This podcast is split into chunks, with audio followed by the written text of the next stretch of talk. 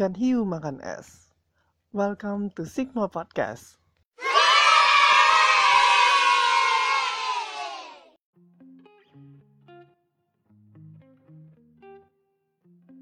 Kira-kira ilmu statistika apa aja sih yang harus diperdalam ketika kita ingin menjadi seorang bisnis intelligence analyst?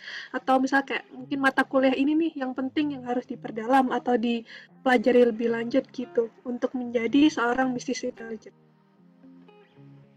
Mungkin dari Mbak eh, Mas Dio dulu.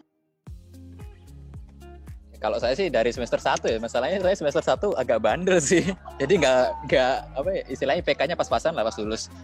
Tapi begitu masuk kerja ternyata oh ternyata dipakai ya banyak lah. Dan itu sesuatu yang kalau misalnya boleh ngulang kuliah lagi itu akan saya dalemin gitu dari semester satu. Misalnya apa contohnya kalian? Sebutin aja mata kuliah yang kalian sedang pelajari.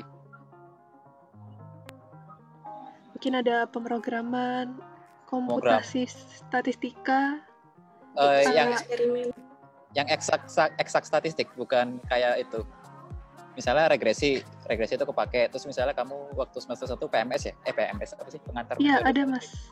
PMS-nya isi, isinya apa aja? Tites Anova dan kawan-kawan itu kan itu kepake. Regresi kepake terus time series kepake. Semuanya kepake sih sebenarnya. Dan ya uh, ya, kalian harus punya banyak pelatih di di perkuliahan itu gimana cara pakai ya bagaimana cara menggunakan metode itu. Karena kadang-kadang ya contohnya saya kan pas-pasan IPK baru tahu yang kerja oh ternyata regresi itu berbagai macam. Ada regresi panel terus ada regresi uh, spline dan kawan-kawan. Ternyata yang bisa dipakai atau diimplementasikan di dunia kerja gitu sih. Jadi ya ya kalau boleh ngulang lagi lima tahun lalu ya saya kan mau pelajari dengan lebih giat sih belajar lebih giat terus tahu cara uh, apa ya persamaan matematikanya gimana itu kadang-kadang penting sih biar bisa menjelaskan ke orang non statistiknya lebih manusiawi mungkin itu. kasih jawabannya Mas Dio. Mungkin dari Mbak Ajeng ada tambahan atau mungkin jawaban lain? Sebenarnya aku agak beda sama Mas Dio. Kalau aku malah kayak regresi gitu nggak pernah pakai. Cuman yang paling sering yang paling sering dipakai tuh biasanya clustering.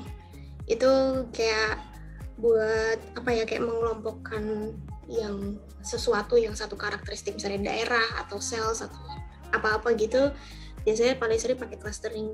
Bermacam-macam clustering ada chemistry dan lain-lain itu. Terus um, R Python itu kan belajarnya waktu kuliah juga ya di PIK dan lain-lain itu. Terus apa lagi ya? Oh ini riset operasi itu kalau di tempatku dipakai juga buat optimize cost gitu. Gitu sih linear programming itu